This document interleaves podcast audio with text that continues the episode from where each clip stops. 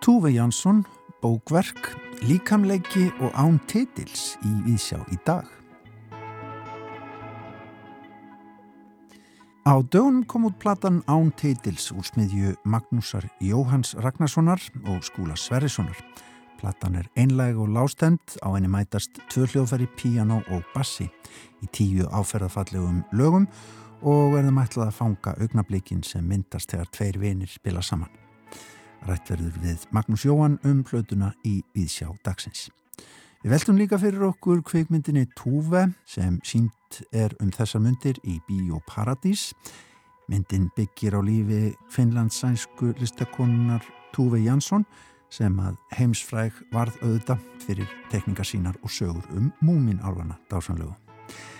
Einnig verður fjallað um listbókamessu sem haldin verður í ásmundarsal um helgina og hefst annað kvöld og reythöfundurinn Ragnhildur Harpa Leifstóttir heldur áfram hugleðingum sínum um líkamleika í pisti sínum í þætti dagsins.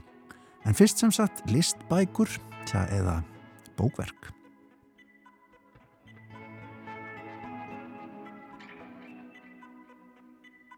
Eins og við vitum öll þá streyma bækur á markaði þessi dagana.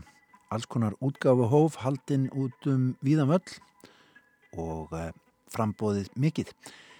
En á morgun verður haldinn í ásmundarsal við Freyjugötu listbókamessa Reykjavík Artbook Fair og á línunni er Sigurður Alli Sigursson myndlistamæður sem er skipulegjandi þessa markaðar. Þetta fer fram um helgina, byrjar á morgun og stendur fram á sunnudag. Sigurður Alli, hvernig er lífið með listbóka útgefundum á Íslandi árið 2021? Hvernig er lífið? Já.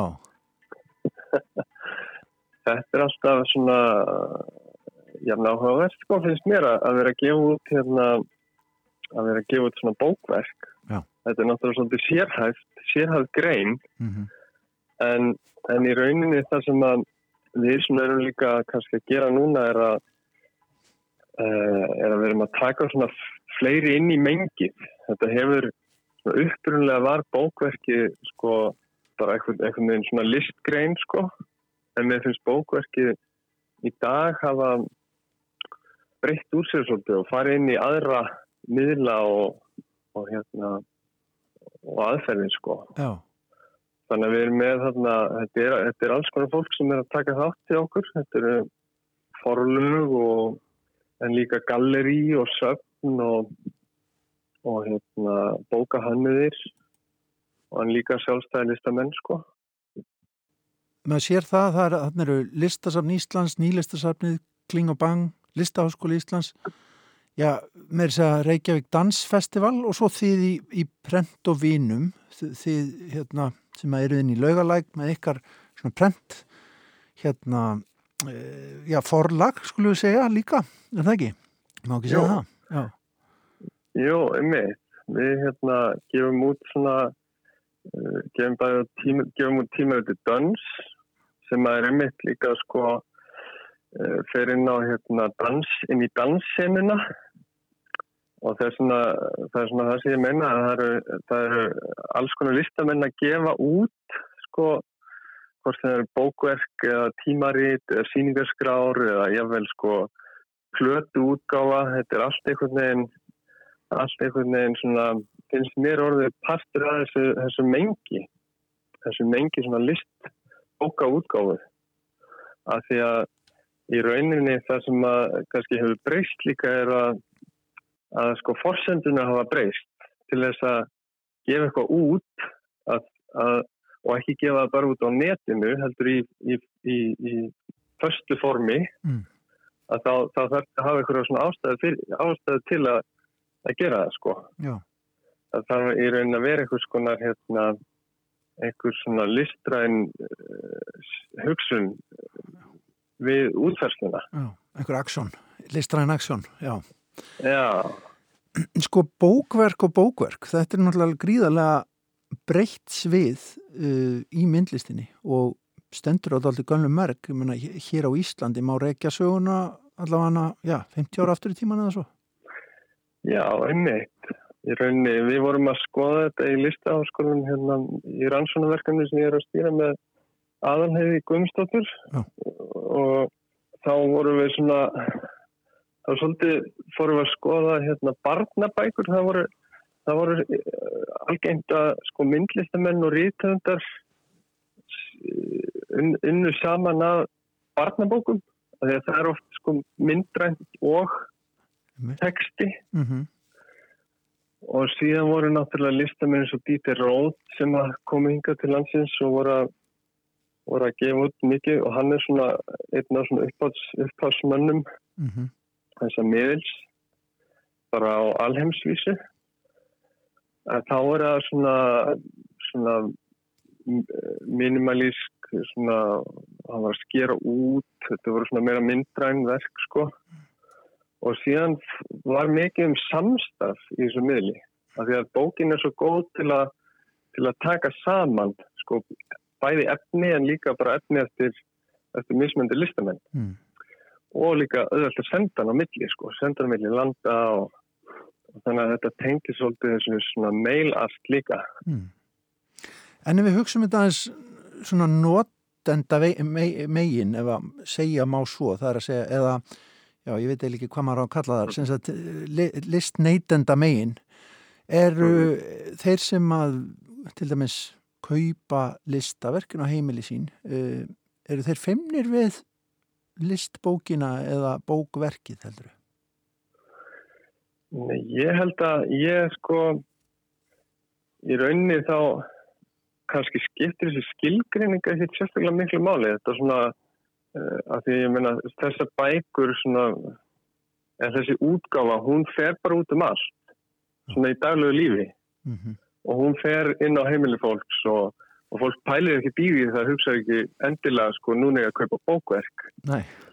Það er kannski bara núna þegar maður tekur þetta saman að svo einhvern veginn fer að hérna, vera ábyrjandi en svona, svona dagstælega er þetta bara, er þetta bara útgáfa og bara ymsu tægi Já. Er þetta mikið á Íslandi? Eru, eru við ánað með, með bókverkið sem slíkt, Ísland, íslenski myndlistamenn? Já, þetta hefur einmitt verið bara mjög áberandi sko og, og maður sér það þegar maður skoðar til dæmis bæði sapneign eh, bókasaps listahóskólans og, og sapneign nýlistasapsins sem að á sko, mörg hundruð ef ekki þúsundi bókverka mm -hmm. þetta hefur alltaf fyllt uh, eh, myndlistamönnum á meðan sko kannski annar staðar þá hefur þetta svolítið dalað Já. og uh, þessi miðvill en hér hafa myndlistamenn alltaf verið að gefa út. Og ég veit ekki hvað þú veist það kannski tengist bara þessu að svona að það er bara mikið um bókaútgáð almennt hérna. Og og hérna og síðan hefur þetta einhvern veginn líka bara svona það hefur verið hérna kent svolítið mikið í, í skólanum líka og svona tal, þetta er, þetta er talað um þetta svona og, og, og ábyrjandi líka bara svona þessi hérna var mjög öflug bókverka sína hérna einmitt fyrir einhverjum áratöfum og sem að hefur svona lifað bara. Já. og ungir myndlistumenn og og séðan sko myndlistumenn sem vinna í líka bara alls, alls konar miðla þá er svona að nota bókverkið sem eitthvað svona sliðar afvöld sko. Ja. þannig að það er bara og, og enn í dag sko núna er þetta kannski svona aðeins með breyttur sniði þetta er hérna einmitt svona uh, sko þá er þetta kannski sem mér finnst mjög skemmtilegt sko sem eru bókverk sem að þjóna líka kannski einhvern öðrum tilgangi. Að það er, það er líka plötu útgáfa eða það er, er líka síningarskrá eða, eða ég vil tímarveit eða mm. á þess að maður sé einhvern veginn kannski ómikið að tala um eitthvað skilgreiningar en þá svona svo skilgreining sem ég hallast mest að er bara að sko bókverk sé þegar þú ætti að gefa eitthvað út og verkið að einhver leiti sko snýst um formið útgáðu formið sjálft. Bókina sem slíka. Já, já. Já Akkurat sem að sko, jável, sko, flesta bækur kannski ger í dag sem að, þú veist, er svona þegar fólk er að hugsa um bóka hönnum að þá, þetta er bara einhvern veginn orðis kannski svolítið normið sko Já. sem er bara mjög skemmtilegt. Sigur Alli Sigursson við bendum að þetta. Reykjavík Artbook Fair sem að hefst í ásmundarsal á morgunglan átján hafur opið þannig annað kvöld og svo milli 11 og 17 hjá ykkur á lögat á sunnudag. Við hérna, sendum goða kvæður og bendum fólki á að koma og skoða listbóka útgáðu eða já, bókaverka útgáðu á Íslandi í dag. Takk fyrir spjallið. Takk fyrir.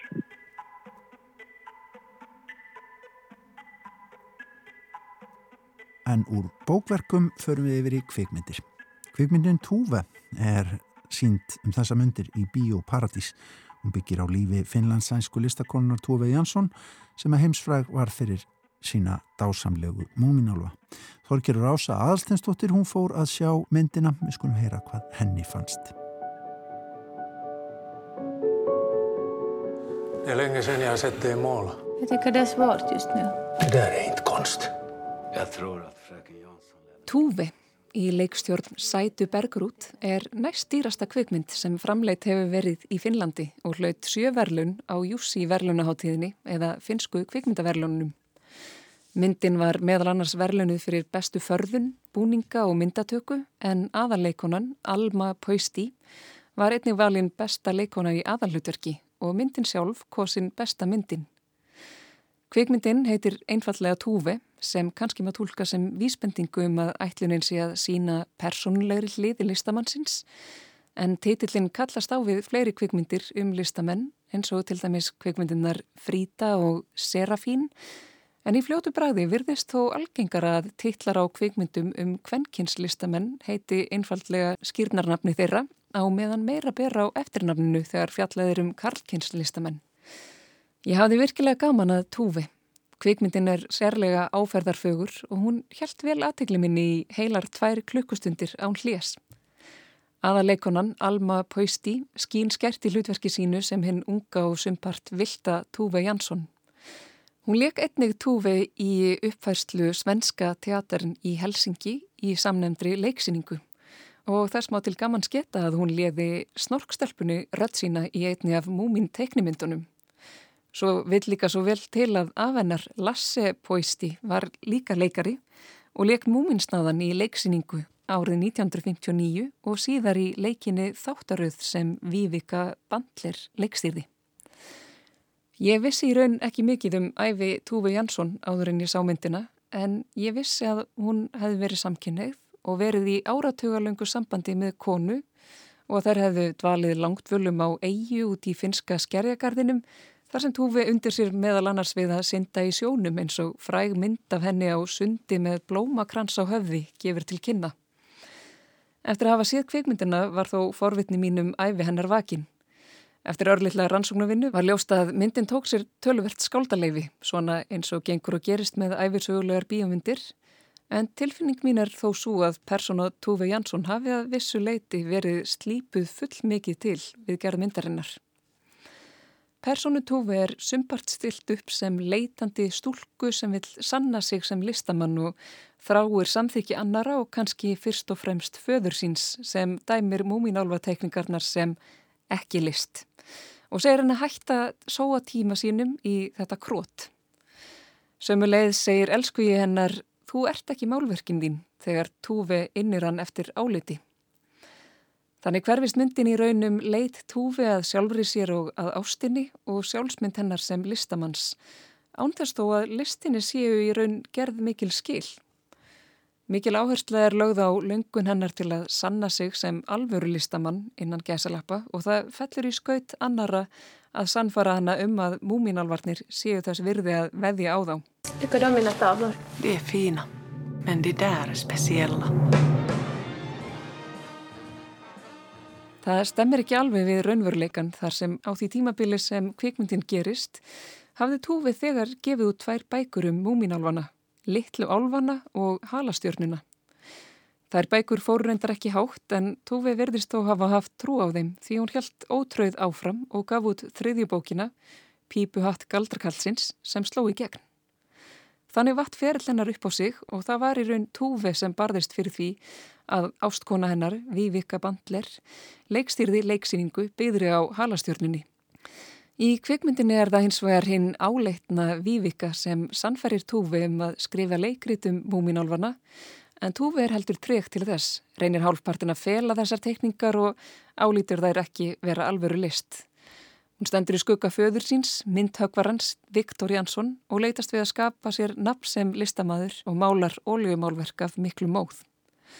Myndin daðrar þannig á tímabili við hetjusagnaformið þar sem litlu teikningarnar sem yfirvaldið, fadirinn, gerir lítið úr, skapa söguhetjunni á endanum heimsfræð.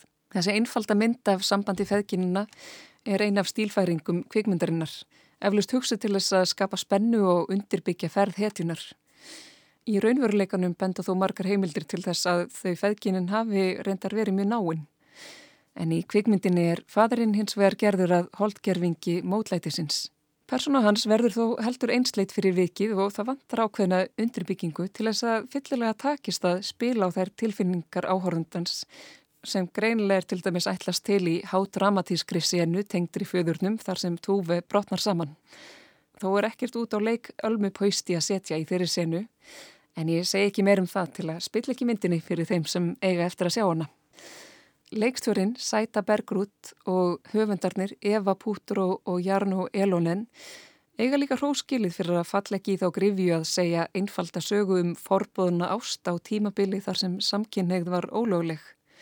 Þvert á móti verðist meðvitað sneitt hjá því sem að vísu gerða verkum að persóna Vívíku Bandler, ástkonu Túfi, skortur ákveðna dýft. Henn er stilt upp sem dominerandi tálkvendi sem er ófærum að hleypa djúpum tilfinningum að og svo staðrend er eiginlega gerðað einu hindruninni í vegi ástar þeirra. Full lítið er gert úr þeirri staðrend að Vívika var gift kona og þó að í einni senu reykja hún túfi í skyndi á dýr og segir henn að laumast út baktir að meginn þegar bíl rennur í hlað Þá er ekki alveg ljóst hver er í bílnum og hvort það er fadir hennar eða eiginmaður sem hún ótast. Því aðeins augnabliki áður virtist hún nánast leifa fyrir opnum tjöldum sem lesbija. Ímislegt bendir til þess að sumar ákvarðanir hafi eftir vill verið teknar með það í huga að gera myndina auðmeltanlegri fyrir alþjóðlegan markað. Þannig er tónlistarvalið að stærstum hluta franst og bandaríst en hljómsveit Benny Goodman heyrist til dæmis sí endurtekið spila Sing Sing Sing.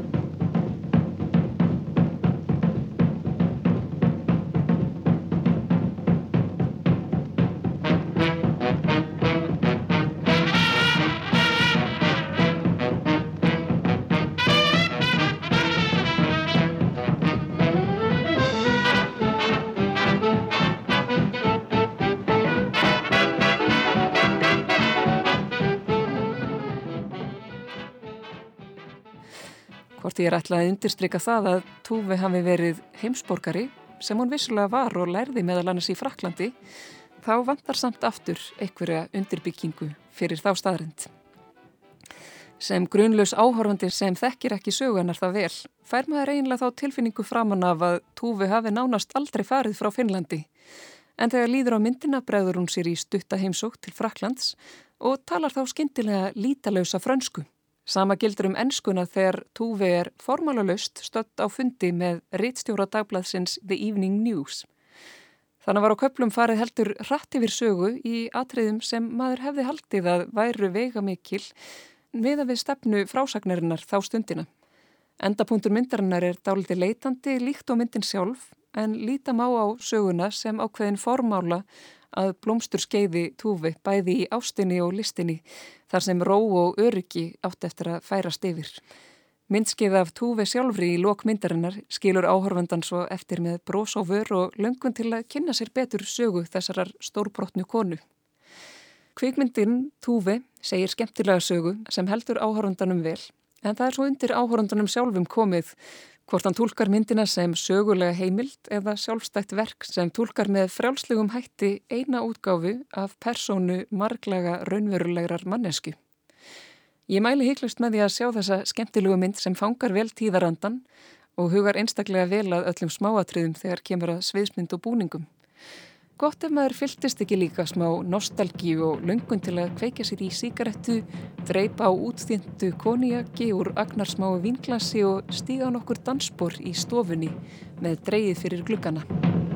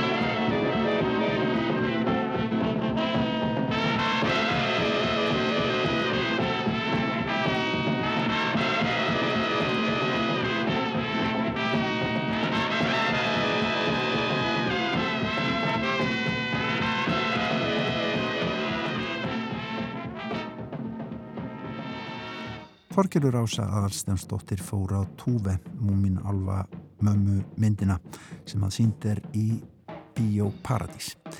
En Ragnæður Harpa Leifsdóttir, hún fjallar um líkamleika annan hvert fymtudag hér í Víðsjá. Við skulum gefa henni orðið. Við munum ekki hvernig það er að vera ekki með hvef. Þegar við liggjum láriðat nýbúin að snýta okkur dagur fimm í veikindum. Við munum varla hvernig það er að vera hraust. Ekkert slím í nefi eða koki getum varla framkallaða tilfinninguna í líkamannum. Svo mjög er við bundin núinu án þess að átt okkur á því. Bundin líkamannum, skinjunni. Það er svo margt sem við vitum ekki um heilan. Staðinn sem geymir minningar okkar, allt sem við hefum upplifað. Heilin er stærsta og floknasta líffarið í líkamannum. Hundrað biljón taugar sem hafa samskipti í gegnum trilljónir tengibúnda. Við vitum lítið um hvitaefnið, gumsið sem heldur öllu saman og þegar ég les um það finnst mér ég verið að lesa um hulduefni, þetta ósynilega milli alls sem bindur heiminn saman. Hvitaefnið, hulduefnið og ástinn eiga þetta sameinlegt. Ég er ekki heila sérfræðingur, ekki stjörnufræðingur, ekki sálfræðingur en svo afskaplega forvitin um þetta allt. Og kannski er það einmitt fegurðin að vita lítið. Lítið um heilan sem er að mörguleiti en ókannaland eins og svefn, eins og neðstu dali sjávar, stjörnukerfin, geimurinn. Af hverju við elskum þá sem við elskum. Við vitum ímislegt og komumst alltaf nær einhverju og opnast þá önnur gátt og fleiri spurningar en það er við hæfi finnst mér að þessar ansóknir séu svo lítið eins og fjársjóðskista sem enn kemur okkur á óvart og hún skuli einmitt hverfast um heilan sem geymir allt sem við munum, lærum og skinnjum. Ég get aldrei vitað hvernig þú skinnjar heiminn. Serðu appelsínuna í örum lit en ég og þó höfum við sammælst um það að hún sé appelsínugull. Hvaðan kemur þú, hvert ert að fara, hvað ertu með í veganesti sem ég hef ekki og hvað get ég lært af þér og þú af mér. Lykt, heyrn, snerting, bráð og sjón, þessi skinnpaletta sem nefnur allt í kringum okkur, hjálpur okkur að skilja, læra og skinja. Við tökum við upplýsingum og þær ferðast eftir pínulillum brautum og eftir því hvernig aðdeglin er hátað. Hvort við séum að einbytta okkur eða hugsa um eitthvað allt annað á meðan, þá fer upplifunin af stað og ferðast fyrst inn í skamtíma minnið og svo kannski nær hún í langtíma minnið. Við horfum á lítil börn sem eru aðteglin upp máluð. Þau gera stöðugar tilrönir með heiminn, tingdarablið, orð, smakka á veröldinni. En af hverju munum við ekki hvernig það er að vera smábarn? Ímsar kenningar er á loft um það og svo viðteknasta er einfallega svo að heilin og þá er sérstaklega verið að tala um hluta heilan sem heitir hippocampus. Já, hippocampus, þið heyrður rétt.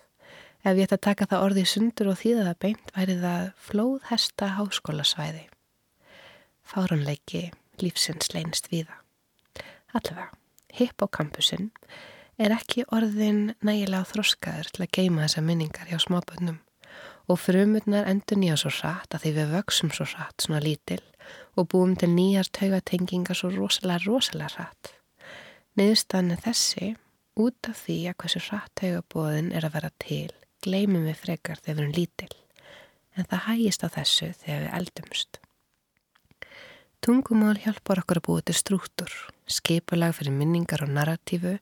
Til að skilja óreiðuna reynum við að búa til festur, hendum niður akkeri og teiknum línur á milli atbyrða eins og í stjórnukorti til að skilja betur hvert lífið færir okkur og af hverju. Og þetta er ekki nýtt. Sögur okkar hafi verið skrifaðar í kvæði og þau eru glukkininn í fortíðina. Við tjáum þar sem við höfum lært svo kynnslóðir þurfa ekki að endur taka leikinn og eða fá tækifærilega brjóti upp gömul minnstur. Fréttir á milli bæja voru bundnarinn í ljóð svo auðvildar að vara muna þær eins og lögin á alþingi til forna ástarbrefin. Svo er það minningarnar sem eru kannski algjör uppspunni getum við nokkuð tíman treyst því sem við munum. Hugsið ykkur öll þau ósætti sem byggjast á því að muna eftir sama atbyrði öðruvísi. Og sömu leiðist þau völd sem seguvegarar stríðana hafa gagvar fortíðinni með því að endur skrifa söguna eftir þeirra höfði.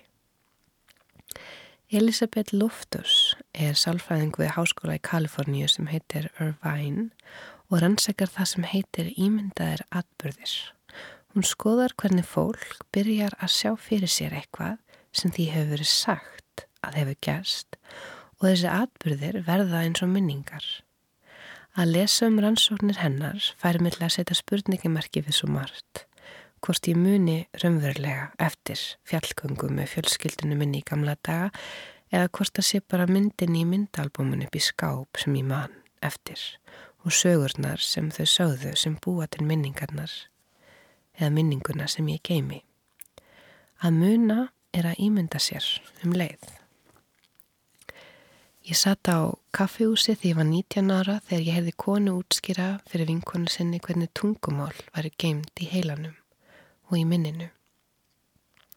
Hún sagði þegar við erum lítil eru til fullt af skúfum í komóðinni og þá áttunum við heilan og við getum ræðað þeim eins og við viljum Við lærum dönsku og setjum tungumáli í bleikuskúfuna og þýsku í grænu og svo áframætti telja.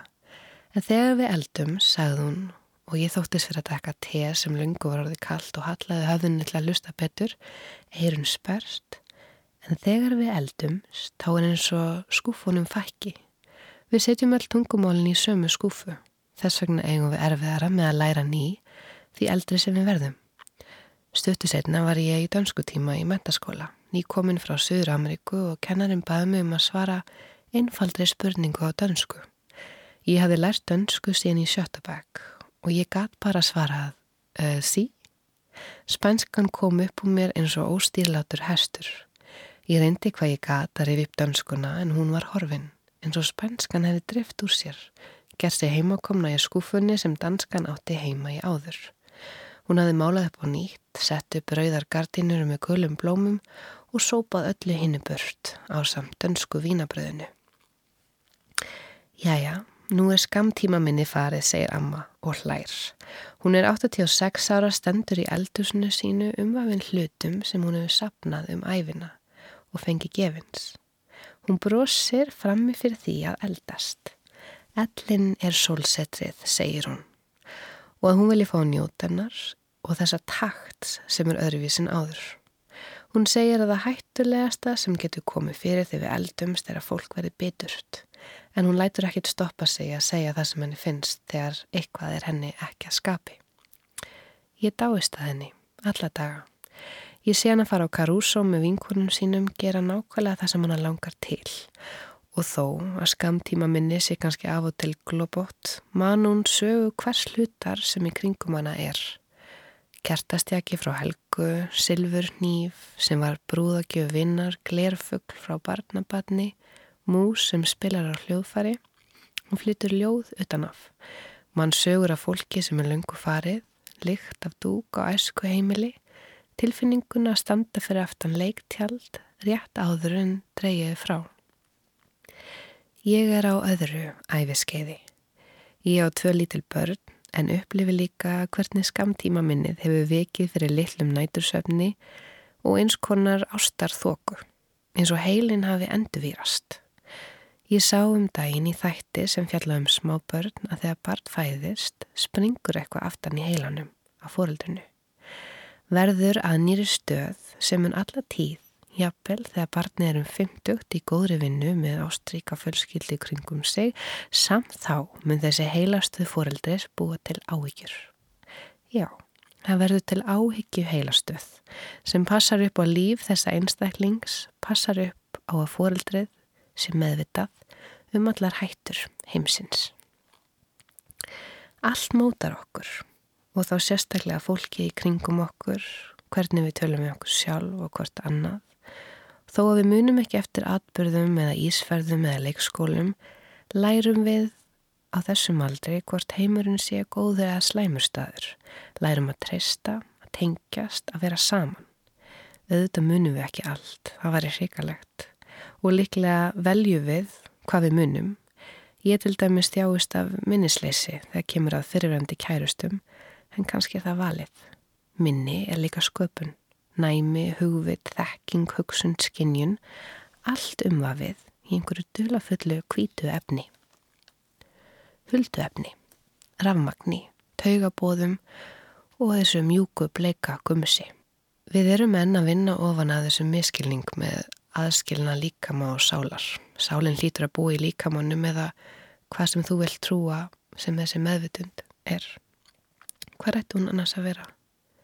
Svo rifjast upp óvæntustu hlutir við símtöl, staði eða ákveðum byrstu skilirði á vetuna. Allt í nú rifjast upp fyrir mér þegar amma kendi mér að flytja ljóð um Helgu Jálsdóttir eftir Davíð Stefánsson fyrir ættamót sem hún voru að skipuleggja. Það eru mörg ár síðan en þegar ég les ljóði núna rifjast hvert orð upp fyrir mér. Hvar við vorum, andlitin á ættingjónum sem ég þekki lítið, lilla kirkjan. Orðin hafa leigið í dvala eins og minningin. Alveg eins og þegar við förum á hjólið eftir eftir langan tíma, tökum upp prjónana eða reyfum upp dansspor. Það eru þarna, minningarnar, orðin, reyfingarnar í djúpsæfinu, í líkamannum einhver staðar. Sjáðu ljóðið fyrir þér, segir hún ströng á svip. Ef þú serð ekkert, sjáum við hinn ekki neitt. Hún situr á stól í stofunni á móti mér, leikstjórin, Ég er tíu árum yngri og flytt fyrir hana erendið úr ljóðinu eftir Davíð. Treysti ég því að tíman ströymur, treyðir gamlar, endur skýri, hörður, þú ert hugan ströymur, hjartans ljóð og æfintýri. Meðan lífsins logar dopna, lofa ég þig í kvæði og sögum Engin meinar mér að sopna við minningar frá liðnum dögum. Saði Ragnhildur Harpa Leifstóttir sem að verður hér aftur hjá okkur í Víðsjá að tveimu veikum liðnum að fjallaðum líkamleika. En þá splunkun í íslensk tónlist.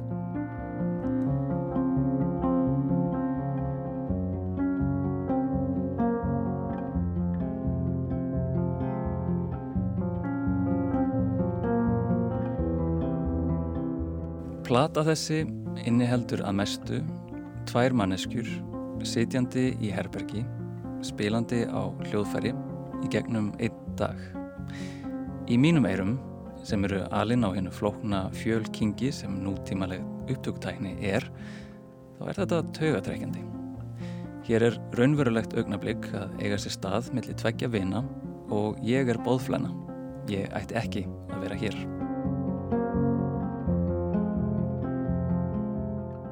Þetta skrifar Stengrimur Tík aftan á plötuna Án Tillits sem kom út nú á dögunum.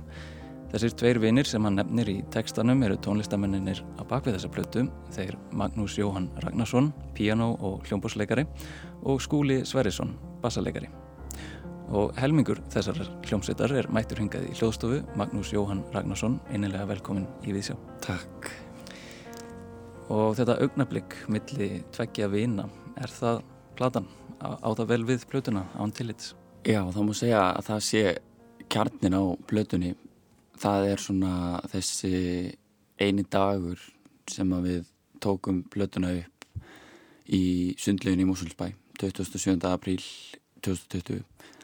Ég, ég mitt í bað þann stengri unnminnum að skrifa svona smá texta með þessa músík sem við skúli vorum í þann mynd að fara að gefa út og, og það hefur þá greinilega skila sér til hans að þetta væri svona einhvern veginn þessi eina stund okkar svona eða kjartin í plötunni væri einn dagur og bara svona þessi tvö hljóðfæri því ég, bað, ég var nú ekkert að minnast á það við hann að þetta væri tekið upp á einum degi en eitt svoleiðis en, en platan var sem að öll, öll þessi tíu lög voru hljóðritu þarna á, á einum degi bara ég við flílinn og, og skúli við akustíska bassan sinn og Bergur Þórisson á tökkanum og fórum á Phoenix í hátteginu og bara í geggjum fíling Og uh, hvernig þróast samstarfið ykkar eh, skóla?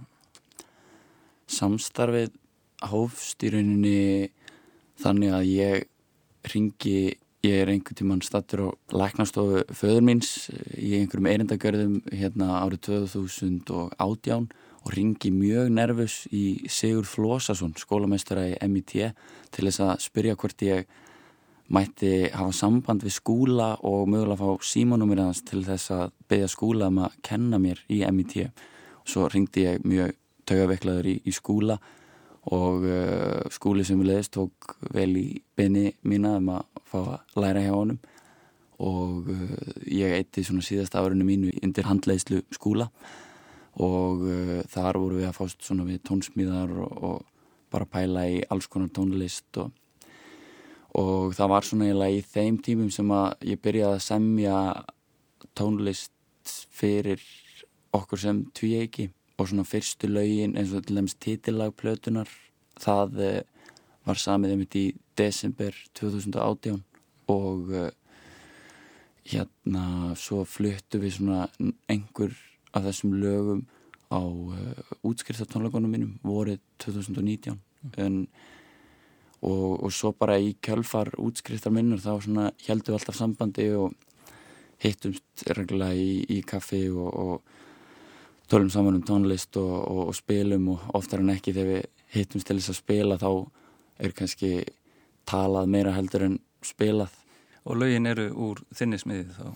Já, þetta eru allt lögur minni smiðju en uh, þau eru náttúrulega útsett af okkur tveim í sammenningu og, og svona mis náttúrulega misopinn og þú veist það eru auðvitað spunakablar hér og þar og svona þeir eru misopnir eins og einhver spunakablin er kannski bara við byrjum í þessari tónmiðju og svo bara spinnum við í þessu tónaliteti og svo er það búið og svo eru kannski önnur lög svona alveg með útskrifaðri bassalínu allan tíman en bara svona já, allir gangur á því og, og svo er alveg og, og, og lögvísulega sem skúli ánáttúrulega mjög mikið í bara því að hann er með svo einstakt uh, sound sem hljóðfærileikari og spilar og svo sérstakt hljóðfæri og þessi plata væri allt önnur ef þetta væri dúoplata mín og uh, einhvers kontrabassarleikara til dæmis uh, en þannig að sko, þetta er svona við eigum þetta mikið saman sko þótt að ég haf, sé hérna kannski skrifaður fyrir lögunum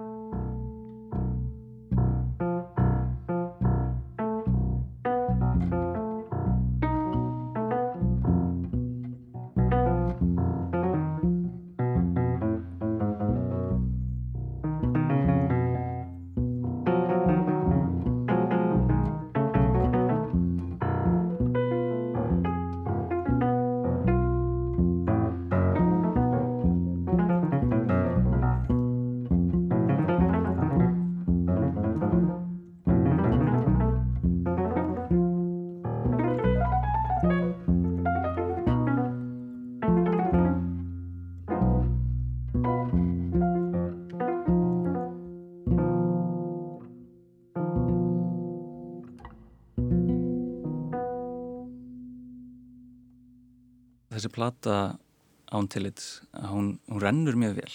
Þetta er, uh, þetta er þægileg plata til að hlusta á. Uh, maður fær á tilfinninguna að það kannski liggja ekkit svo mikið á. Laun eru stutt en koma samt svona hugmyndin mjög vel fram mm -hmm. og um, ég var bara svolítið forvitin þegar ég hlustaði á og fekk að vera þessi bóðflæna sem að Stengrimur Tík talar um í textaplötunar að hvernig er tilfinningin að vera já, inn í svona lægi sem uh, píjánuleikari? Já, þetta er alveg góð spurning. Uh, það er alltaf svona, allavega alltaf svona daldi, daldi öðruvísi að vera í stúdiói að taka upp. Þetta er mættur svona gaggert til þess að hljóðrita eitthvað alveg live, eitthvað svona alveg svona einar gæðsalega eiginlega alveg rátt eins og bara dúoplötu sem er bara bassi og, og, og píano og þetta snýst bara um að ná að fanga eitthvað eitthva moment milli þeirra sem eru viðstattir og þessi plata er einmitt svolítið mikið þannig svona gengur út á að ná góðum tökum á lögunum og, og, og góðum momenti og það e, tekur alltaf allavega mig svolítið tíma að komast inn í sko svona fílingin með, með hljóðfærinu líka þegar maður er mættur það er alltaf mismunandi hljóðfæri mismunandi flíklar eða piano í, í hérna, mismunandi stúdjum eðlilega og mismunandi hljóðnumar og mismunandi rými sem bregst öðruvísi við og sortum öðruvísi hérna, heyrna tól og þannig að það tekur mann alltaf svolítið tíma bara svona að komast inn í þannig nýja takt. Það er aldrei svona einhvern veginn alveg eins og að sitja bara við flílinn heima og vera að semja lögin og þau fæðast kannski upp á einhverju tilfinningu eða einhverju hugmynd eða upp úr einhverju tómi eða eitthvað og, og svo er maður einhvern veginn alltaf að að eldast við þennan svona essens sem að laugin fæðast upp úr og reyna að búa það til aftur jafnvel í stúdíónu en svo endan um einhvern veginn text það aldrei en maður býr í staðin kannski til eitthvað alveg nýtt eða einhvern annan essens mér finnst það átt svolítið skemmtilegt og dýrmætt en það er stundum eitthvað sem maður fattar heldur ekkert fyrir en bara eftir á einhvern veginn ári eftir að maður tók upp plötun og maður einhvern veginn búin að svona eiga erfitt með að hlusta á þetta þetta var ekki alveg eins og maður ætlaði sér og þetta var ekki nú svona og þetta var ekki nú hins einn og svo einhvern veginn þar maður bara svona gefa þessu tíma til þess að anda og leifa þess að vera það sem þetta er til þess að maður sjálfur sem manniski einhvern veginn geti nálgast þetta upp og nýtt svona frá austurliðinni eða eitthvað og bara svona já, emmitt, þetta er kannski bara ekki eins og ég ætlaði mér en þetta er aldrei frábært fyrir það sem það er kannski. Og ég veit ekki hvort þetta svari spurningunni beint sko en þetta er náttúrulega svona snýstum bara að koma sér í eitthvað gott flæði held ég allavega svona í því þegar maður er að reyna að fanga svona mómentið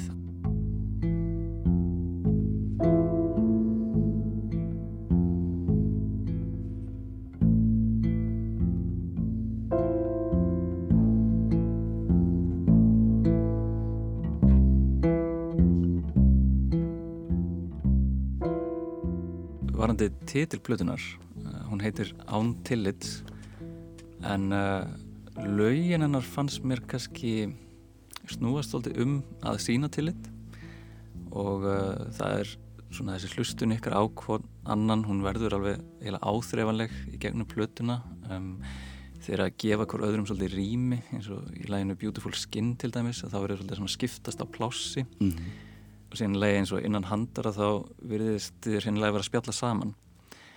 Þannig ég verði eða að spyrja hvaðan kemur þetta tillitsleysi í tillinum? Þetta er góð spurning, mér finnst mjög gaman að heyra að þú heyrir eitthvað samhengi sem að ég hafði ekkert endilega heyrt fyrir mér sjálfur með, með hérna að við værum að sína okkur um örum mjög mikið tillit og, og það væri hægt að lesa eitthvað þannig millir línana í lagatillunum, það er mjög gott, ég er ánað með það. Uh, en uh, titillin sjálfur sko á sér er unni bara svona skemmtilega litla að finna sögu að það var í rauninni þannig að þegar ég var fyrst að semja þetta og brenta át nótur þá stóð nú bara án títils efst og, og svo var skúli ekki búin að setja upp glerugun þegar ég leti þetta fyrst fyrir framann framann hann sko og þá segði hann mmm, án tillits, flottir títil þannig að ég glósaði það svona í huganum og, og breytti nafninu næst þegar þetta brentaði út og og svo er alltaf mjög mikil kunst finnst mér bara að, að skýra svona tónlist án orða yfir höfuð.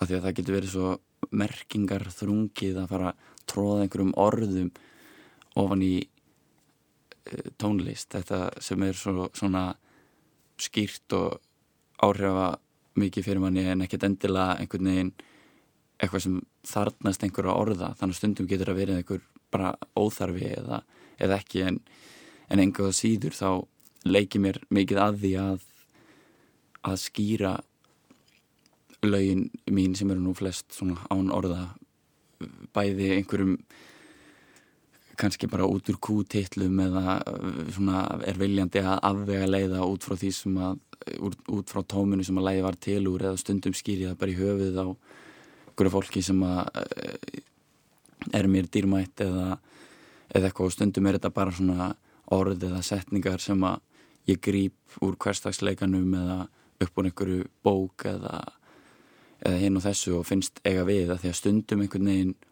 er það þannig að maður er búin að leita og leita og pæla og pæla bara ah, þetta getur ekki heitið þetta eða hvað þetta lag heita? Og svo einhvern veginn bara sér það eitthvað orðasamband eða eitthvað orð og það er bara svona já, þetta fangar fullkomlega það sem ég er reyna að segja eða ávið með þessu lagi án þess að þú einhvern veginn hafðir átt að þig á því nokkur tíma fyrir þá eða eitthvað, eitthvað svo leiðis mm -hmm.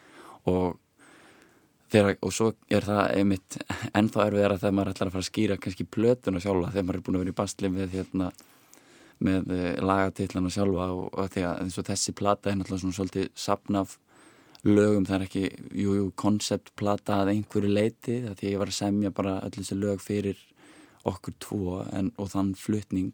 Þannig að mér fannst bara einhvern veginn án tillits fanga pínu svona uh, þessa stemningu sem að er svona einhvern veginn gegnum gangandi í þessum lögum mm. og, og sömulegis í titilæginu og svo getur fólk bara að lesa þess að vill út úr eh, því sem kommenti á eitthvað tillitsleysi eða að gefa tillit. En uh, kannski að lokum að þá langar mér að spyrja þess út í þessa kápu. það svolítið forvinnilegt uh, útlita á þessari plötu það er hann Haldur Eldjórn sem að hannar og lögplötunar eru þarna utanum já, kassa og vaksa sem trjágreinar á ólíkan hátt og mér skilst þetta sé einhver algoritmi að tólka lögin erstu til að segja mér aðeins frá hvernig Akkurat. þetta virkar? Það passar, hann, hann Haldur Eldjórn, vinnu minn, hann hafi plötuumslægið og hérna hann er einmitt frábær músikant og, og myndlistamæður sem er leiðis og er mjög mikið að vinna með þau þemu bæði í sinni músik og, og sinni myndlist uh, að svona vinna með uh, algoritma og samtal svona einhvers konar uh, flömræna synda og, og eins og þessa og svo einhver svona algjörlega digital eins og einhverja robota sem að spila á þessa synda eða algoritmar sem að teikna generatívar plöndur og svo framvegis og, og uh, mér finnst mjög gaman að vinna með eitthvað svona skýrt myndmál og búa til einhvern svona skýran heim með þeim plötum sem ég er að fást við. Og ég hef uh, verið hrifin af Haldur þessi myndlistamanni lengi þannig að mér finnst það algjörlega borlegjandi að tala við hann um eitthvað svona samstarf og við svona í sammenningu byrjuðum að uh, velta vengum yfir í hvað geti representerað þessa plötu og þessa músík þannig að hann hlustaði á plötuna og hann sá og heyrði fyrir sér svona einhverjar greinar og einhvern vöxt og fannst þetta svona einhvern veginn minna sig og eitthvað svona lífríki og, og eitthvað sem vera eitthvað sem, eitthvað sem grær. Og þannig að hann bjóti, bjóti forrið eða svona algoritma sem að hlustar á hvert og eitt lag fyrir sig og út frá einhvern svona hverðum og einhverjum líkindum og prósentum myndar þessar greinar. Þannig að við ákvaðum að taka þetta síðan alla leið og, og, og, og uh, að því að við erum að gera 250 eintöka vínil þá er þetta í rauninni 250 mismunandi uh, kerslur á þessum algoritma. Þannig að umslægið, blötu umslægið sjálf sem að sést á netinu það er í rauninni eintak nummer eitt, eða fyrsta kerslan á þessum kóða. Að því hvert skipti sem að þú lætur kóðan hlusta á músikina þá prentast þessar plöntur eða greinar á mismunandi vegu vissulega eru þar alltaf keimlíkar en, en svona aldrei alveg eins og þannig að þegar vínillin að lokum lítur dagsins ljós þá verður þetta allt eh, hvert og eitt eintak sérstakt sko. Já, hérna. Já, það verður spennandi að, fá plötuna í hendunar þegar hún kemur ég lagt til uh, Magnús Jóhann Ragnarsson, takk ég lega fyrir að koma í viðsjá. Takk ég lega fyrir mig.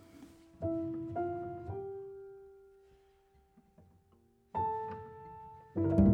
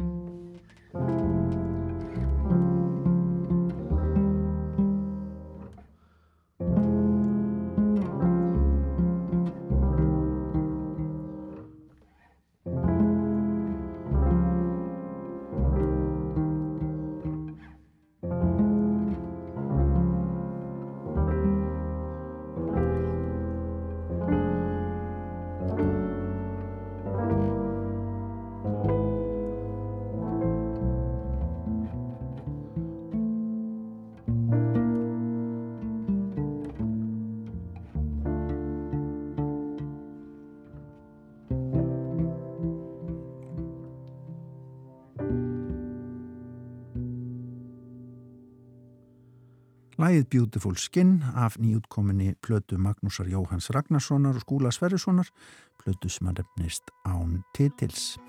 En á þessari nýju íslensku tónlist ljúkum við Víðsjá í dag ágætu hlustendur. Takk fyrir Víðsjár vikuna. Við minnum á úrval á sunnudagin klukkan 2 en annars verður Víðsjá hér auðvita í næstu viku. Verðið sæl.